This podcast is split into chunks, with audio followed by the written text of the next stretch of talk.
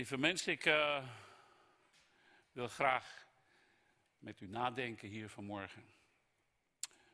Over uh, een van de, maar misschien wel het voor mij mooiste, indrukwekkendste, huiveringwekkendste, ondoorgrondelijkste boek uit de Bijbel. Weet u wat dat is voor mij? Dat is Job. Ik ben gek van Job. En ik heb in het verleden meerdere malen over het boek Job mogen spreken. Ik wil het u nog een keer doen. kennis, kennis en inzicht nemen toe, als het goed is. En ik wil daarom beginnen met u uh, te lezen een, een, een, kort gedeelte uit het boek van Job. Ik kan niet het hele boek lezen, het zou wel mooi zijn. Dus ik heb een paar versen eruit en ik zal tijdens de preek ook nog naar een paar versen verwijzen. Job, het eerste hoofdstuk. En dan uh, vers 6 tot en met 12 en dan skip ik ook nog even naar vers 22. Leest u aandachtig met mij mee. Want dit zijn grootse woorden, vol mysterie en vol informatie. Op een zekere dag nu kwamen de Benei Elohim te vertalen met de zonen Gods. De Benei Elohim, maar ook te vertalen, dat is waarschijnlijker, met de zonen van de goden. Benei Elohim. Op zekere dag nu kwamen de zonen Gods, of de zonen van de goden, om zich voor de Heere, voor de ene ware God, de Vader God te stellen. En onder hen, daar komt het al, bevond zich ook de Satan. Dominee, wie is de Satan? Een van de zonen Gods. Ja, maar ik ben toch ook een zoon van God? Jij ook. En Jezus is toch ook een zoon van God? Jij ook. Maar de Satan ook. Daar gaan we al. En de Heere zeide tot de Satan, van waar komt gij? Leuk dat God niet weet waar de Satan heeft gezeten. En de Satan antwoordde de Heere van een zwerftocht over de aarde die ik doorkruist heb. En toen zeide de Heer tot de Satan, hebt gij ook acht geslagen op mijn knecht Job? Nou, nou wil ik niet dingen in de tekst lezen die er misschien niet geschreven zijn, maar ik voel hier gewoon de emotie van een vader die kijkt naar zijn zoon die voor het eerst gaat voetballen. En hij wint en hij scoort en hij doet het goed. En ik voel die trots dat God de Vader hier zegt, heb je mijn zoon, heb je mijn zoon Job gezien? Want niemand op aarde is als hij. Zo vroom en oprecht. Godvrezend en wijkende van het kwaad. Niemand op aarde houdt zoveel van mij, zegt God. Heb je hem gezien? Dat is mijn zoon, Job. En er staat dan de Heer, is het dan om niet dat Job van u houdt? God vrees betekent namelijk niet bang zijn voor, maar heilig ontzag hebben voor. Dat is liefde, met heilig ontzag. Dus is het, is het zomaar dat Job van u houdt? Weet u dat zeker, dat Job echt van u houdt? Daar gaan we alweer. Theologie op theologie gaat onderuit. Dat weet God dus niet. Anders zou de rest van het verhaal niet meer kloppen.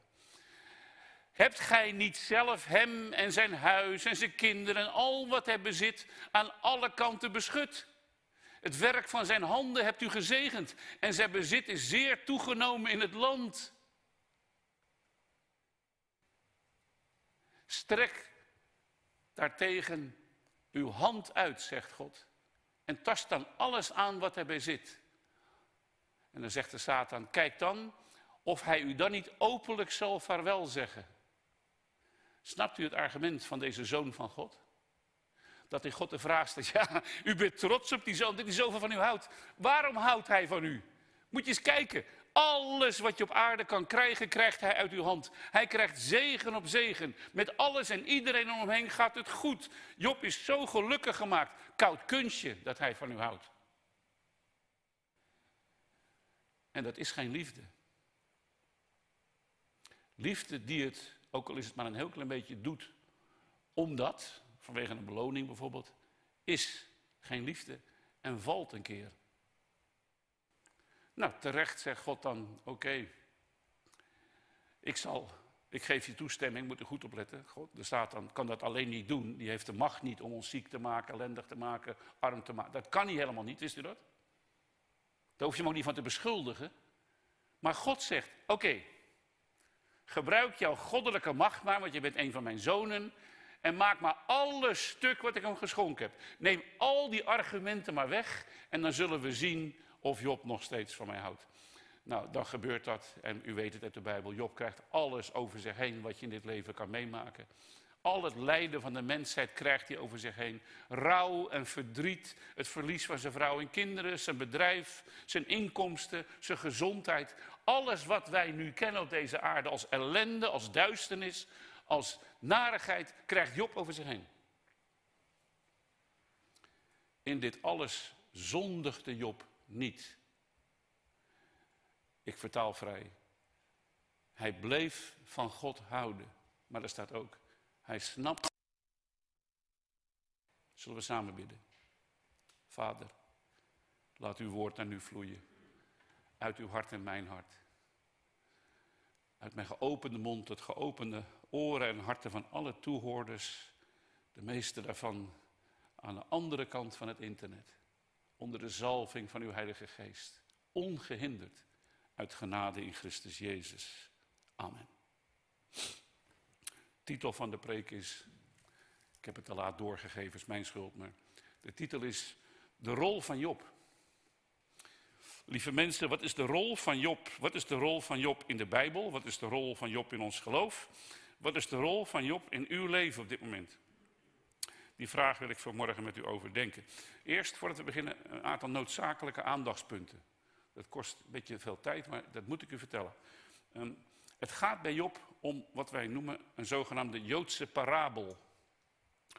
Dat zegt niet dat Job misschien nooit bestaan heeft. Het kan zijn, dat denken de oorspronkelijke schrijvers ook, dat, dat het verhaal teruggaat naar een man die eens geleefd heeft, die Job heet en die heel veel ellende heeft meegemaakt, zoals veel mensen. Maar als zodanig is het verhaal een parabel. Sommige mensen schrikken ervan, oh, een parabel. Ik zeg, maar Jezus bij voorkeur sprak in parabelen. Ja, want parabelen hebben een ongelooflijke kracht. En ook profeten in het Oude Testament, als ze iemand de waarheid moesten vertellen, dan gingen ze niet naar een koning toe en zeggen, zal ik je even de waarheid vertellen, want dan, dan ging het hier en daar eruit. Dan vertelde zo'n profeet een verhaal. Er zijn psychotherapeuten en psychiaters, met name in Amerika, die hun patiënten, hun cliënten een verhaal meegeven, een parabel. En dan gaan die patiënten weg. Zeggen, nou, ik kom bij die dokter en ik dacht, die gaat me eindelijk eens vertellen wat ik nou mankeer. Krijg een verhaal mee. Maar er zit veel meer kracht in een parabel dan in iemand zomaar de waarheid vertellen. Want als je iemand meteen de waarheid vertelt, ben je hem kwijt meestal. Een parabel blijft hangen. Een parabel is goddelijk geïnspireerd. Nou, het is belangrijk dat wij weten dat Job een verhaal is, een parabel, omdat de ethiek van het verhaal gruwelijk is. Het suggereert dat het hele universum om één man draait, Job, en dat God om hem een les te leren zijn eerste gezin uh, doodmaakt. Maar dan weer later aan het eind nieuwe vrouwen en kinderen teruggeeft. Dus de ethiek ervan is vreselijk. Maar dat is het niet als het een parabel is. En we weten ook van de Joden die het verhaal voor het eerst hebben overgeleverd. Het gaat hier om een parabel, dat is het eerste. Nou, dan zou ik over de versen die ik net gelezen heb met u uh, minstens drie Bijbelstudies kunnen houden. Ik zou er een boek over kunnen schrijven. Daar zit zoveel in. Ik moet mij weerhouden het niet in deze preek te stoppen. Dat gaat niet. Het is lang genoeg. Moet u even van mij aannemen. Het huivert hier van informatie. Nou, en het laatste, Job is mijn favoriet, zei ik al. Maar het boek Job is voor mij ook een van de bewijzen dat dit boek niet door mensen bedacht is. Het is in mijn optiek onmogelijk, ook voor een religieus mens, een verhaal als Job te bedenken. Dit bedenkt een mens niet, zeker een religieus mens niet. Nooit. Andere religieuze boeken, daarvan zeg ik oké, dat is logisch, dat bedenken mensen wellicht. Maar het boek Job is zo huiveringwekkend voor mij dat het een van de bewijzen is dat wij in de Bijbel te maken hebben met goddelijke inspiratie. Hoe dat precies zit, ga ik ook helemaal niet met u delen. Trouwens, ik weet het niet eens. Maar goddelijk geïnspireerd. Nou, dan, dan galmen er vier hoofdthema's door het hele boek heen. Dus je kan het hele boek samenvatten. Als je vroeger nog, ik weet op de HBS vroeger moesten wij uh, geloof ik wel 30 boeken in het Nederlands lezen. Ik vond het gruwelijk allemaal. En dan moest je een samenvatting maken, zodat je nog wist waar het over ging. En dan zocht je zo naar hoofdthema's. Nou, als je dit boek samenvat, dan kom je tot vier punten. Die wil ik met u behandelen, maar ze rollen wat door elkaar. Het eerste is de rol van het kwaad. De tweede is, belangrijk, de rol van christelijke vrienden. Dat galmt door het boek heen, is misschien wel het hoofdthema. En het derde, de rol van de schepper in de ellende waar we met z'n allen soms kunnen zitten. Ja? De ellende van deze wereld. Wat is de rol van de schepper? Nou, en de laatste, de rol van het lijden. Die thema's wil ik met u overdenken. Wat is de rol van het kwaad in Job? Nou, lieve mensen, daar gaan we al. Sorry hoor. Sorry voor wat ik ga zeggen. Ik vind, ik kwam als heiden de kerk binnen, had de Bijbel nooit gezien. Ik had een achterstand op alle andere mensen in de kerk. Ik heb theologie gestudeerd en moest eerst zorgen dat ik de Bijbel kende. Maar ik vind nu, na 40 jaar bediening onder mensen, dat jullie christenen geen flauw idee hebben van de mysterieuze betekenis van het kwaad. Maar je denkt van wel. En wat je denkt dat waar is, vertel je aan anderen. En dat brengt met al uw goede bedoelingen, kom er straks op terug, vaak grote schade aan mensen. Er overkomt je heel iets raars als je met pensioen gaat. Ik dacht, dat gaat mij niet gebeuren. Dacht, een heleboel dingen gaan mij niet gebeuren, dat is voor andere mensen. Maar onze vorige huisarts, die al eerder met pensioen is gaan, vertelde dat hij het ook had. Drukke huisartspraktijk gehad, ook een bewogen man. Hij zegt, in je dromen ga je eerst alles terugkrijgen. Nou, waar, ik droom me een ongeluk, zeg. En ik blijk, ik blijk in mijn ziel veel meer opgeslagen te hebben in die 40 jaar dan ik dacht. Ik dacht, ik ben stoer, ik ga naar de Heer, ik praat er met mijn vrouw over, dat is weg. Dat blijkt niet waar te zijn, dat blijkt een diepe indruk gemaakt te hebben op mij. Helemaal positief hoor, heel bijzonder. En daarbij speelt de rol van het kwaad, waar mijn beroep en dat van Dennis natuurlijk allemaal mee te maken heeft, anders in elkaar te zitten dan ik vroeger dacht. Maar goed, wat is de rol van het kwaad in Job? U denkt het te weten, want christenen denken daar een perfecte theologie voor te hebben. Heel simpel, dominee, simpel, wat doet u nou moeilijk? De kwaad is, dat is de duivel, dat is de Satan, dat is Lucifer. Die doet het kwaad in de wereld, God niet. God kan alleen maar goed doen. Maar eh, de, de Satan is er om het kwaad op de aarde te brengen. Leest u Job maar. Nou, ik lees Job en ik ben flink in de war hoor. Ten eerste, die Satan. Weet u wie dat is? Lucifer. Weet u wie dat is? De duivel. Weet u wie dat is? Weet u helemaal niet? Nee, en daar zijn we helaas niet geholpen door de Hollywood-theologie. Er is nu weer een nieuwe serie op Netflix, afschuwelijk stom, super idioot, je valt erbij in slaap, vind ik. Dat gaat ook over Lucifer. En hij noemt zichzelf dan, dus de duivel dus, Lucifer Morningstar. Nou, dat is dubbelop, want Lucifer betekent Morningstar, morgenster. En dan ga je weer door al die domme Hollywoodfilms, die dan ergens iets van de Bijbel oppakken, over de duivel en die horrorfilms, is er een beeld ontstaan wat totaal niet meer klopt wat in de Bijbel gegeven wordt. Zo zou de duivel in de hel zitten. De hel is er helemaal nog niet, zegt de Bijbel. En hij ook niet. Allemaal van die flauwekul. Maar goed, het betekent, als ik wil geven dat die namen al niet kloppen. Satan is niet een naam, maar betekent, Satan betekent tegenstander. En Satan wordt soms gebruikt voor menselijke tegenstanders in de Bijbel. De Satan heeft mij tegengewerkt, zegt Paulus. Maar daarmee zou hij ook het Romeinse Rijk kunnen bedoelen. Is geen naam, maar een betekenis. En Lucifer, lieve mensen, Lucifer is Venus, is de morgenster, is de stralende, de lichtende. En de engelen worden Lucifers genoemd. De morgensterren stralen en verkondigen uw naam, de Lucifers. En Jezus, de morgenster, komt in uw hart op. Ook Jezus wordt Lucifer genoemd. Daar ga je al. Allemaal fout. Klopt niks van. En zaait pijnlijke verwarring bij gelovige mensen die God liefhebben. Foute theologie. Duivel betekent diabolos. Hij die door elkaar gooit. Dus het zijn geen namen. Het zijn duidingen dat er een invloed in deze wereld is en in uw leven. En daar zou ik een bijbelserie kunnen besteden die veel groter is dan u denkt. Waar u elke dag mee te maken heeft, ook al denkt u van niet. Een invloed van duisternis, van kwaad, van kapotmakerij is in de aarde aanwezig. Heeft een hoge intelligentie, veel hoger dan de onze en een rijke achtergrond is ouder dan de onze. Dat is ongeveer wat ook de Bijbel en alle godsdiensten zeggen. Er is een persoonlijke macht van kwaad aanwezig. Iemand heeft wel eens gezegd, als een christen daar niks van ervaart, dat niet gelooft, is hij waarschijnlijk geen christen. Geen interessant object voor die macht van kwaad. Als een christen mij nu al snapt is zegt, dominee, ik herken dat. Er is een huisarts in Vlaardingen, inmiddels ook met pensioen, die door deze boodschap destijds in de Emma-straat tot geloof is gekomen. U kent hem waarschijnlijk wel. Hij zegt eigenlijk, die boodschap van de Satan, eindelijk hoorde ik vanuit de kerk een antwoord op wat ik altijd gedacht heb als arts. Er is een macht, een intelligente macht, die mensen ziek maakt. Als u enig verstand hebt van een virus, bijvoorbeeld corona, een virus leeft niet, een virus kan je ook niet doden, een virus is een onvoorstelbaar mysterie. Het vertoont superintelligentie. Het heeft trekken, die zijn bijna alienachtig. Dus als je daar alleen al kijkt, maar een virus is ontworpen. Het is een computerprogrammaatje, bedoeld om muziek te maken. Nou, wie heeft dat dan ontworpen? Ja, de macht van het kwaad. Enkel voorbeeld. Dus de Bijbel zegt dat, alle religies zeggen dat. En Jezus noemt die macht van het kwaad, daar ben ik iets over aan het schrijven, ik weet niet wanneer wat ik mee ga doen, de God van deze wereld. Als ze hem komen halen voor het kruis, zegt Jezus, de God van deze wereld komt mij halen en heeft aan mij niks. Zo. U denkt dat onze God de God is van deze wereld. Jezus zegt, er is een andere God met een kleine g. Die is de God van deze wereld. Dat weet Jezus al in zijn verzoeking in de woestijn.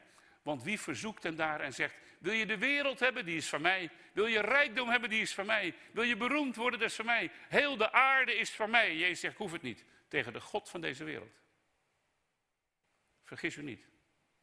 Dominee, waarom is er zoveel kwaad in de wereld? Deze wereld heeft een andere God gekregen. Lang verhaal, mysterieus, komt wel een keer later. Nu blijven we bij het thema. Wat is de rol van het kwaad? Gewoon mysterieus. En mysterieus, als u met mij geluisterd heeft, wie is nu verantwoordelijk voor wat Job overkomt? Zegt de Satan toch? De Satan doet het. Er zit een duiveltje ergens op straat in een hoekje, klein duiveltje zo met hoorn in een hoekje. En hij zit te huilen. En iemand komt voorbij en die zegt, wat is er nou met jou? En dat duiveltje zegt, krijg van alles de schuld. Ja, de duivel doet het toch? Die maakt je op ziek, die neemt zijn rijkdom weg, doodt zijn kinderen. Dat kan hij dus ook allemaal, maar hij kan het alleen maar omdat God zegt, doe het maar. Christen hebben soms zo'n ontzettend geloof in de macht van de duivel. Er zijn zelfs christenen die denken dat de Satan een waardige tegenstander is van God of zo. Ze staan tegenover elkaar en dat het ook. Wie gaat het winnen? Cassius Clay of de ander? Dat is helemaal niet waar. Uit dit verhaal blijkt dat de Satan helemaal geen waardige tegenstander is. Maar hij is deel van de godenkring, zoals alle religies vertellen. En hij heeft een vader boven zich, Odin, ja, of Zeus, of Jupiter, of God, onze God. En hij kan alleen maar doen waarvan God zegt, doe het maar. Daarin speelt de Satan in heel de Bijbel een essentiële rol. Hij is geen miskleun.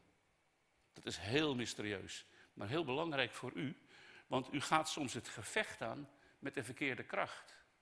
En er is een macht in uw leven, op deze aarde, overal aanwezig, een macht van duisternis. Geef hem maar een naam, Satan.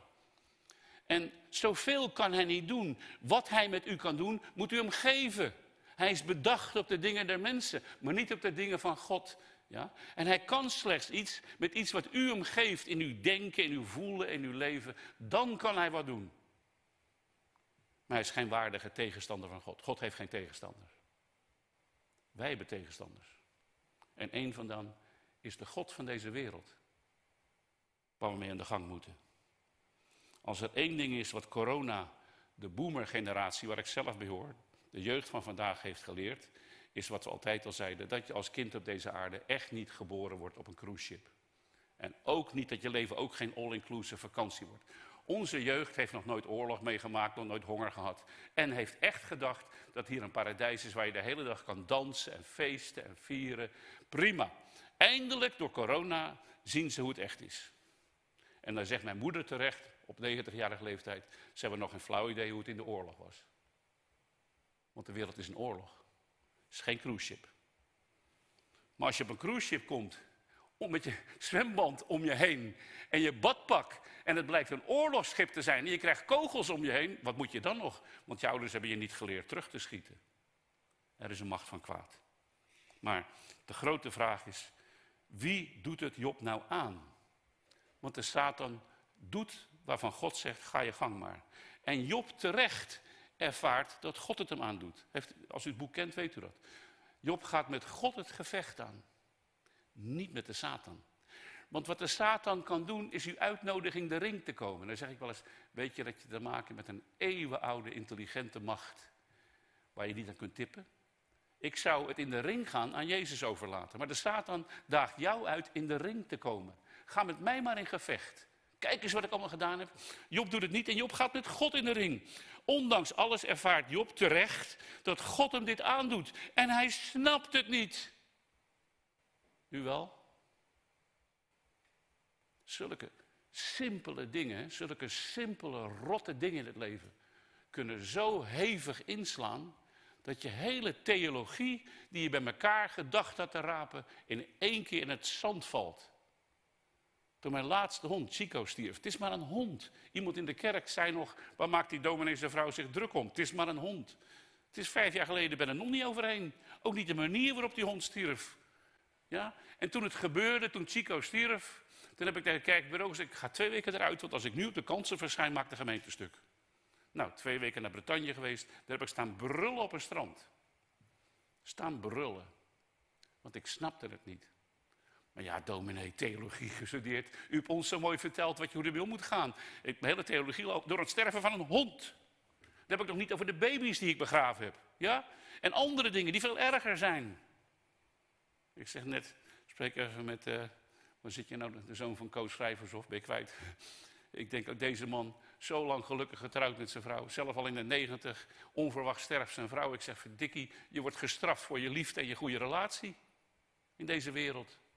Had maar een beetje afstand gehouden. Was maar niet zo gelukkig geweest. Had je nou niet zo'n pijn gehad. Wat is dit allemaal? Dus op dat strand ging op mijn hele theorie. En ik, ik zat net als Job te knokken. En heer, kan het nou? En dat wij gestraft worden voor onze zonde. Door die zondeval, snap ik. Maar mijn hond heeft nooit wat gedaan. Nou ja, het is goed gekomen. Job gaat in gevecht met God.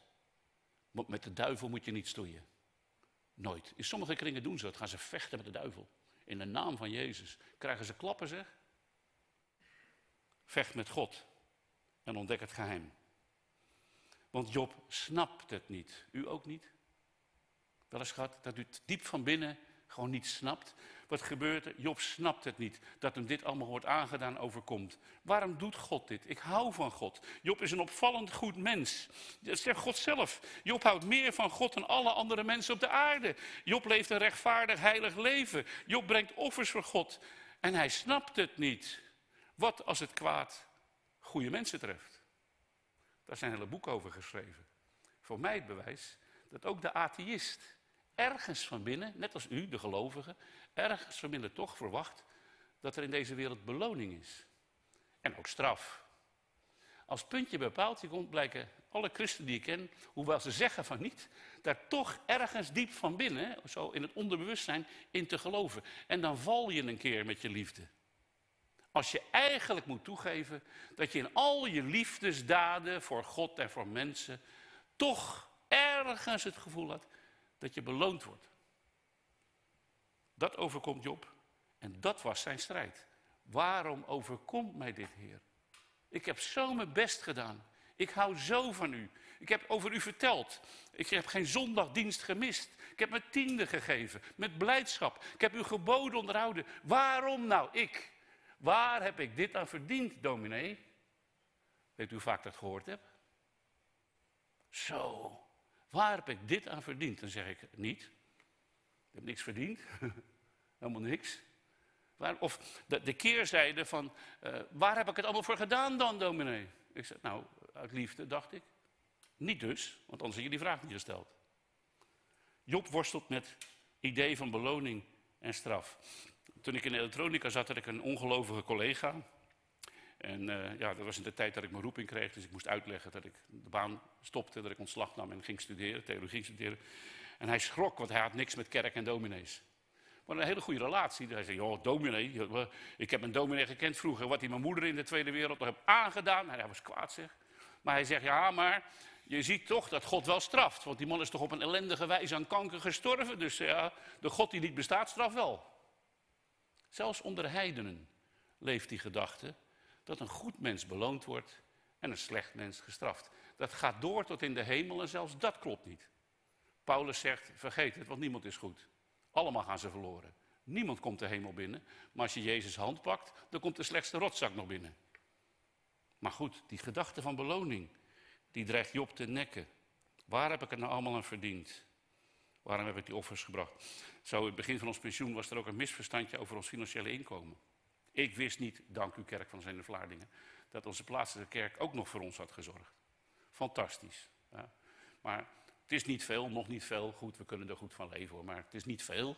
En dan ga je nadenken, dus ik ga rekenen en zo. Ik denk, wat moeten we nou niet doen en wat kunnen we nou wel doen en zo. En op een gegeven moment komt er toch een rotgedachte, zeg. Oh, durf bijna niet te vertellen.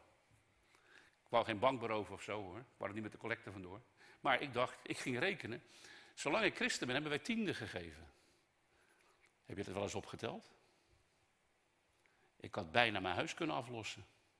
Ik zeg, oh, mensen, 130, 140.000 euro minstens of zo is er zo. Hadden we allemaal kunnen hebben. Nou, dat was een fractie. Dus Kobi zegt, ja, dat heb je toch niet voor gedaan? Helemaal niet. Nee, ik zou het ook nog doen.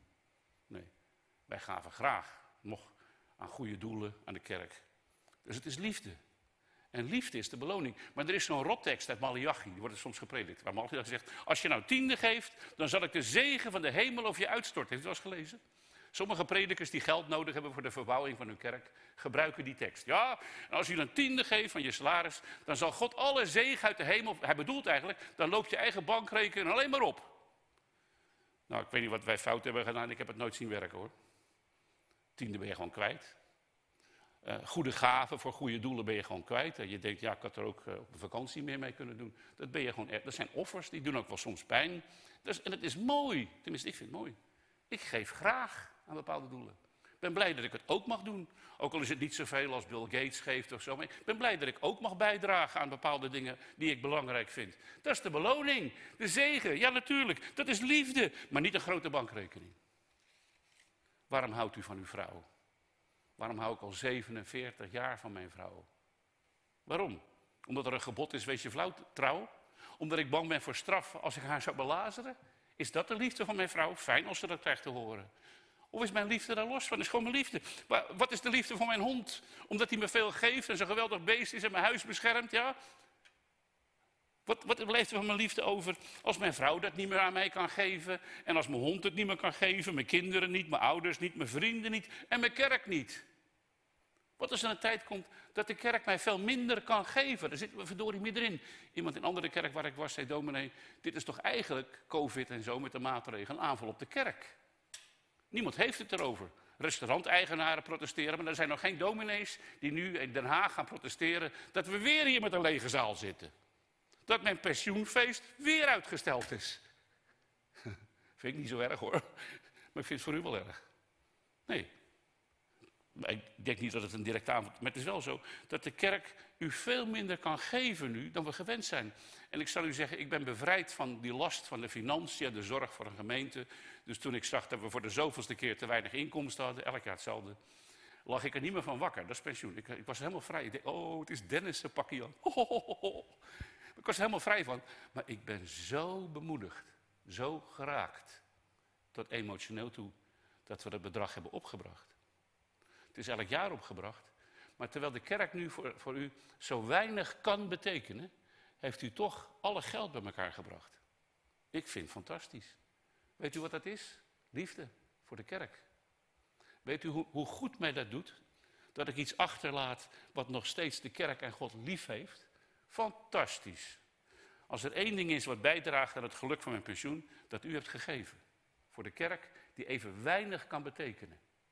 En ook God die soms minder kan betekenen. Ja?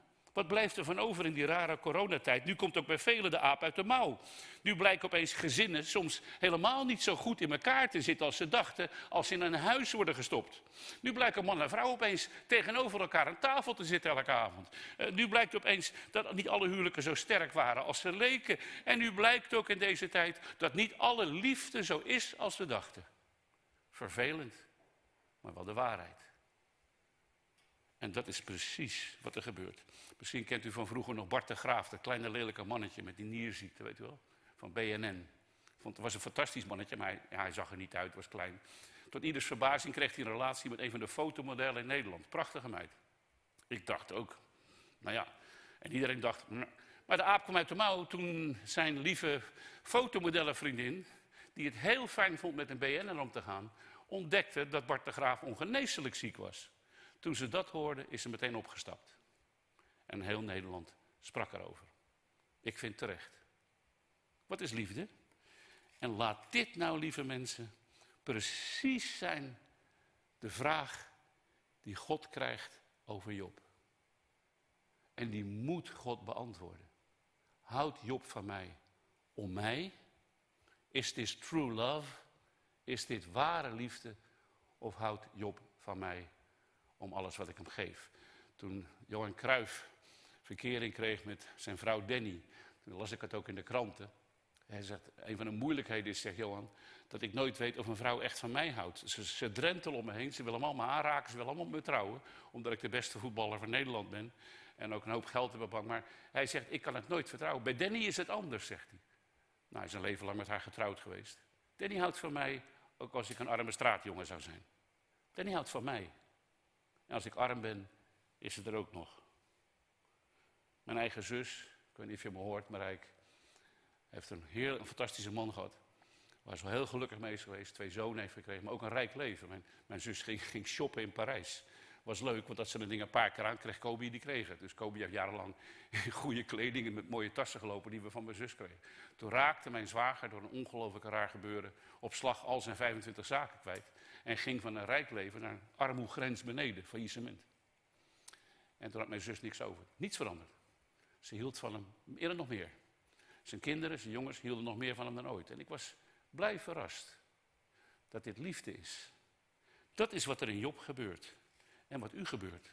Een aantal van de dingen in uw leven zijn de Jobsvraag. Wat als de kerk nou opeens wat minder voor je kan betekenen dan vroeger? Wat als je je predikant en zo wat minder ziet omdat het gewoon niet mag? Wat als er voor je kinderen minder te in de kerk? Je fijne kerk die altijd veel heeft gegeven. Wat als God weinig voor je kan betekenen omdat hij tijdelijk wat van de wereld verdreven is? Wat als je als man en vrouw meer moet knokken voor je relatie, omdat je boven op elkaar wordt gepletterd in deze tijd? Wat is dan je liefde, zegt God? Echte liefde? Want die zal het doorstaan. Dat is de Jobsvraag. Job krijgt alle lijden over zich heen. Het bewijst dat het om een parabel gaat en dat overkomt geen mens. De schrijver wil zeggen, ik noem al het lijden over Job, zodat niemand van u kan zeggen, ja, maar wat ik meemaak heeft Job niet gehad. Job heeft alles gehad. En daarin is het een parabel. Het is uw naam. Wat jij hebt, is een van die dingen van Job. Wat jou overkomt en waar je mee worstelt, is een van die dingen van Job. Daarom zegt de schrijver het zo. Net als van Jezus wordt gezegd, die is op elke wijze, op gelijke manier verzocht geweest zoals ons. Als jij verzocht wordt, denk niet dat het Jezus niet raakt, want hij heeft het zelf meegemaakt. Een slimme zuster zegt een keer tegen mij, dat is niet waar dominee. Uh, Jezus heeft nooit een kind gebaard en hij is ook nooit door de menopauze gegaan. Ik zeg nog, ja was erg hij is ook nooit vrouw geweest. Dat is het ergste lijden wat er bestaat op aarde. Boem, bam, kledder, fout natuurlijk. Dat is flauw. Het gaat erom dat zowel Jezus als Job aangeven dat ze 100% solidair zijn geweest met het lijden van de mensheid. Job gaat in gevecht met God. Wat is dan de rol van de schepper in dit alles? Wat is de rol van het schepper? Nou, daar komt wat. Wie in het boek Job een antwoord zoekt, een verklaring voor het lijden in de wereld, zoekt voor niks. In de gevechten die Job met God heeft, en u moet ze thuis lezen, het is huiveringwekkend. Zoals u de liefde van God ziet werken. Job, want Job gooit God alles voor zijn voeten. Niet meer over zichzelf. Hij zegt, nou we het er toch over hebben, die rotzooi. Uw hele schepping is een achterlijke toestand. Hoe heeft u het zo kunnen maken, zegt Job. Leest u maar na. Dat een leeuw scherpe tanden krijgt om een arg reebokje aan elkaar te scheuren. En dat het een constante strijd is van, zal ik overleven? Zal ik te eten hebben? De hele natuur is een gruwel. Hoe heeft u dat ooit zo kunnen doen? Nou, als ik God was, zou ik zeggen, ik ben God, hou je smoel. Als je naar Allah kijkt, Allah zegt, wat ben jij om aan mij te twijfelen? Boem, bliksem. Maar de God van Job gaat met Job praten. En zegt, Job, ehm, hoe zou jij het dan doen? Dat is een van de dingen waar ik ook ziek van word in deze wereld, hoor. Die gruwel in de natuur. Maar goed, hoe zou jij het dan doen, Ed? Ik tref daar een aarde aan, die is vernield. De duisternis en een vreemde God heeft, heeft deze aarde overgenomen. En ik zie daar de sporen van. Het is allemaal imperfect geworden. Alles gaat kapot. Lichamen gaan kapot. Er is valse biologie. De natuur verscheurt zichzelf om te overleven. Het is één grote survival of the fittest. Maar zo traf ik de aarde aan, zegt God. En ik wil toch de leeuw voeden. En ook het lammetje voeden. Dus op zijn minst doe ik mijn best om het in balans te houden. Hoe zou jij het doen, Job? Al die mensen die schelden op onze regeringen. Ik doe niet mee hoor. Weet wel dat ze fouten hebben gemaakt met COVID en alles, tuurlijk. Maar die schelden, ja, of wat, wat ze ons allemaal hebben aangedaan. Dan zeg ik, ga jij er dan eens voor staan? Haal die ministers dan weg, los dan het probleem op. Hier trekken de, de, ondernemers, die zeggen geef ons wat geld en geef ons ruimte. Hier trekken de ziekenhuizen en dan moet je maar aan. Doe het dan zelf. En dat zeggen we tegen God.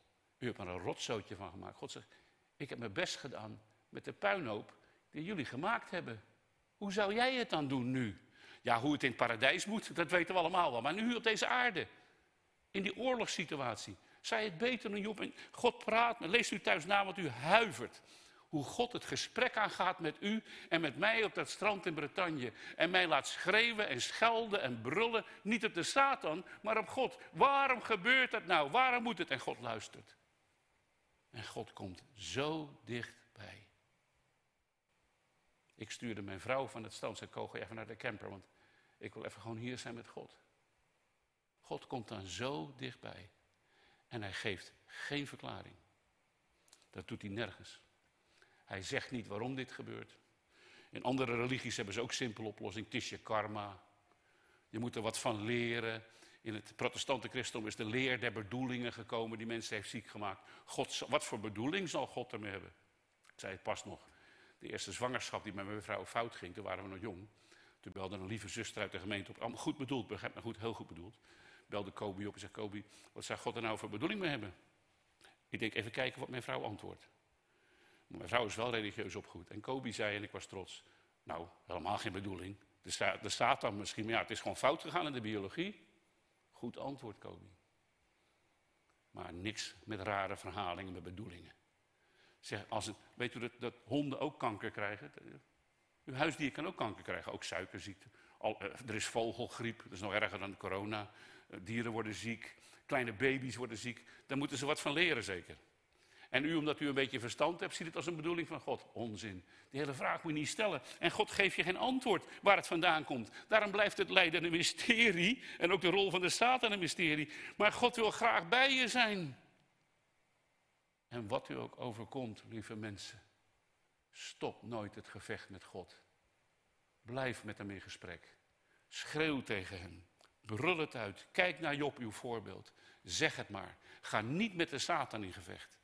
Want daar loop je niet goed af. Maar met God. En je ontdekt zijn liefde op een manier zoals je dat nooit hebt meegemaakt. Hij komt heel dichtbij. Hij is er zelf doorheen geweest. Je voelt diep medelijden. Medelijden voel je. En laat het daar nou omgaan. Maar wij mensen, wij zoeken altijd naar verklaringen. Dus als er een vliegtuig neerstort, en er zitten familieleden in, dat is verschrikkelijk natuurlijk, die zijn omgekomen. Dan buiten het verdriet willen mensen ook altijd weten, alsjeblieft, hoe het kwam. En ze, ze, brengen druk bij de politie en de onderzoekers en de regering om absoluut een antwoord te geven waarom dat vliegtuig neerstort. En dan willen we het liefst hebben een menselijke fout. Wat we niet willen hebben, daarom blijven mensen maar zeuren over het ongeval. Ja, dat wordt uit, er moet een, een, een zondebok worden gevonden, want dan kan ik in de illusie blijven geloven. Oh, het kwam door een fout van een mens daar bij de controle. Dus als ik nu in een vliegtuig stap en die fout wordt niet meer gemaakt, overkomt het mij niet. Nee, een andere fout komt er dan. Allemaal zelfbedrog. Zoeken naar antwoorden. Zoeken naar verklaringen. God zegt het nieuw. Hij komt dicht bij op. Maar u vindt geen theologische verklaring voor het lijden in het boek Job. Ook al denkt u van wel. Romeinen 8, vers 28 tot 30. Daar komt die leer van bedoelingen vandaan. Ik, lees, ik vertaal sommige dingen even rechtstreeks uit het Grieks. Wij weten nu dat God in alle dingen die ons overkomt, medewerkt ten goede, als we God blijven liefhebben. Dus geen enkele verklaring waarom dingen u overkomen. Alleen de dingen die u overkomen, daarin staat dat God belooft met u samen te werken als u van hem blijft houden. Hij blijft wel van u houden, dat is nooit het probleem. Maar als u blijft houden van hem. En je mag ook, liefde heeft ook woede. Je mag ook boos zijn op iemand waar je van houdt. Hoort er allemaal bij. Maar blijf van God vastzitten. Want dat het lijden je overkomt en God is nog eens een keer weg, leid je twee keer. Zorg dat God juist niet weg is. Blijf het gevecht aangaan. Want die God van tevoren gekend heeft, heeft hij ook van tevoren bestemd tot gelijkvormigheid aan het beeld van zijn zoon. Opdat Jezus de eerstgeborene zou zijn onder velen.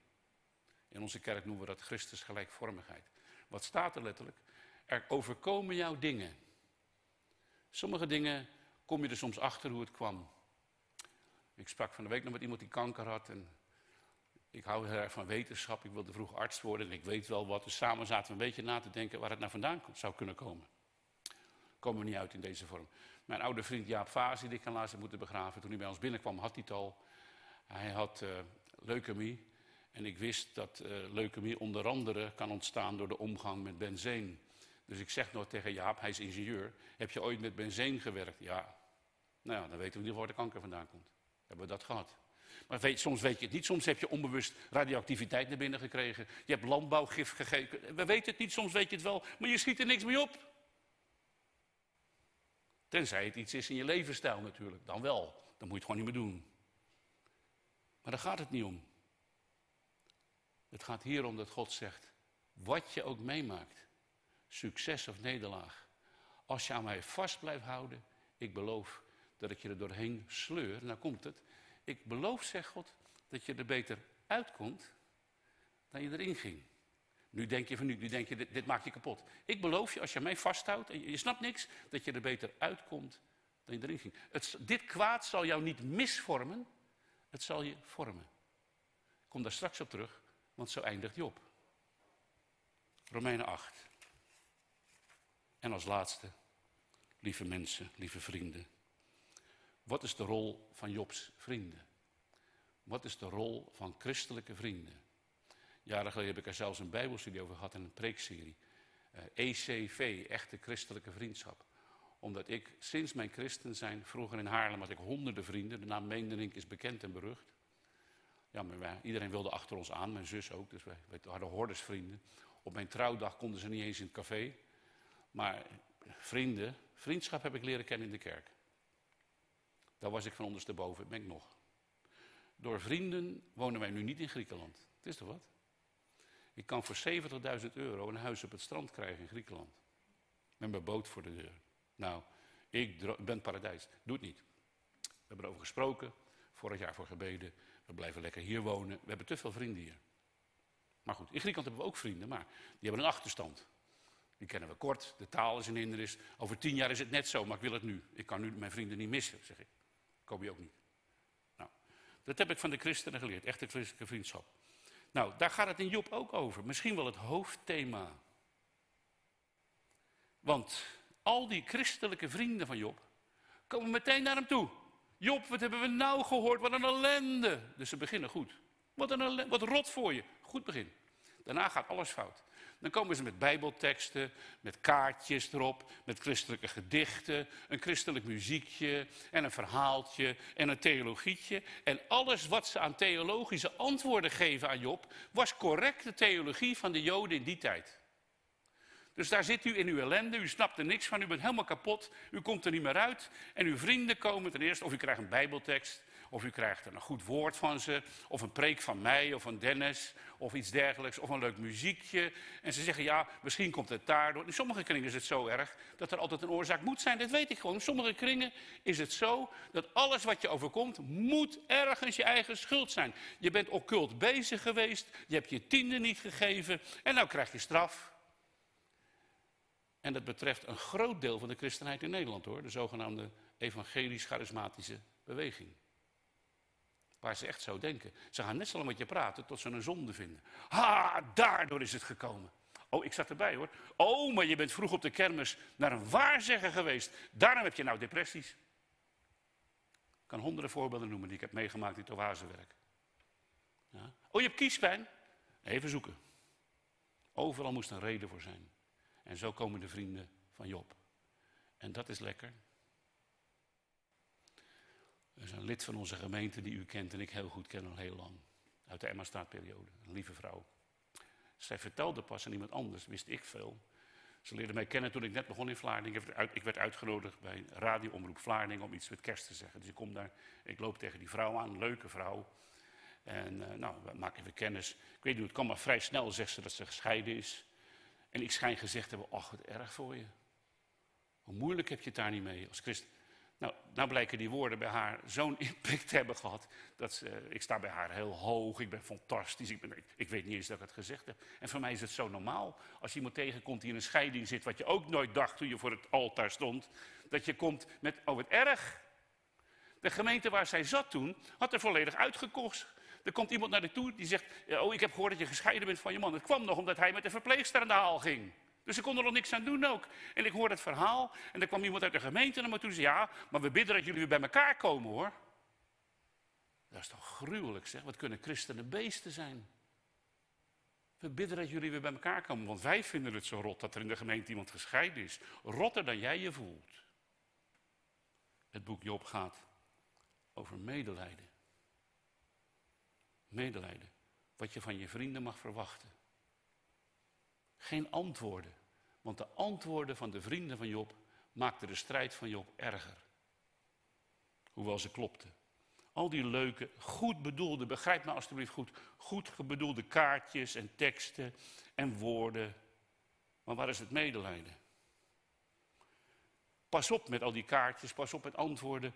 Zelfs als iemand erom vraagt. Ik had van de week een interview, ik had er twee in een maand. En in het interview vroeg die man aan mij, omdat hij ook niet, niet zoveel van het domineeswerk begreep. Zeg, wat zijn nou de vragen die u het meest hebt gekregen in uw bediening? Ik nadenk, denk, wat dan? ik zeg nou, er is één die komt erg vaak terug, vooral ook van ongelovigen. Dat is de zogenaamde theodicee. Dat is de vraag van dominee, u gelooft in God dat hij liefde is. Maar als er een liefde is, waarom is er zoveel rotzooi in de wereld? Zeg, die vraag heb ik erg veel mogen beantwoorden.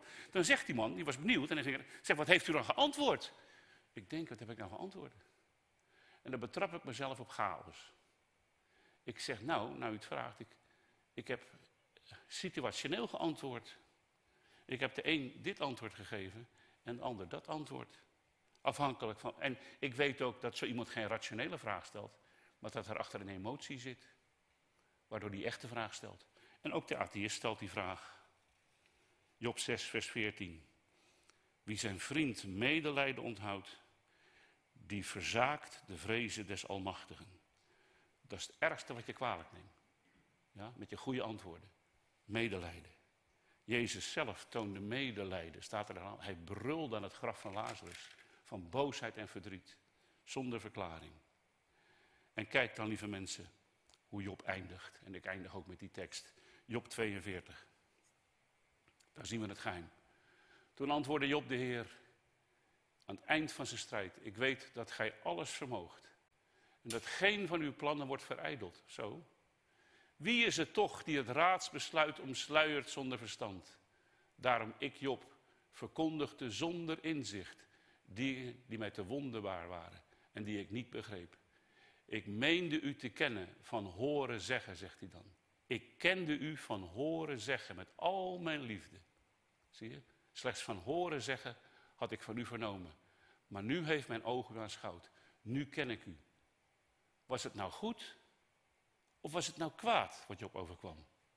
Weet ik veel. Het voelde kwaad, maar het was goed. En dan staat er van de week voor mij in mijn huis voor mijn voordeur zo'n lief meisje. Mooi meisje. Het meisje bleek inmiddels 34 jaar. Ja, dat gebeurt als je denkt, mensen die al 34. Want 34 jaar heb ik hier nog opgedragen. Geboren in ellende. Zo'n negatieve gooi mee in de leven. En ik heb er nog opgedragen, want de vader was er niet eens. Die is er ook nog steeds niet. En het kind wordt geboren met alle dingen die een kind niet wil meegeven. Er staat een vrouw, ik ken er al een tijdje, staat er een vrouw voor mijn deur. Waar mijn vrouw ik met open mond hebben geluisterd. Karaktervol, volwassen, gelukkig. Ja, ik zei, en ze, zij heeft mij het interview gegeven, want ik wilde altijd u voorstellen. Zeg, alles wat ik nu ben, zegt ze, dank ik aan jou, Ed. Aan je preken, je bijbelstudies en je woorden. Die hebben mij gemaakt. Ik zeg, dat is niet waar. Ik zeg, er zitten honderden mensen in mijn kerk, die hebben de preek ook gehoord. Die doen er echt niks mee hoor. Zijn nog steeds wie ze waren. Ik zeg, jij, jij hebt bijbelwoorden gehoord. Je hebt ze toegepast. Je hebt het gedaan. En je bent een ongelooflijk mens geworden met zo'n karakter. Uit een rotsituatie. Rotsituatie, zegt ze. Misschien heeft mijn slechte jeugd me wel zo gemaakt. Was het dan een slechte jeugd? Snapt u het nog? De rol van Job is liefde. Zonder snappen. Liefde. Amen.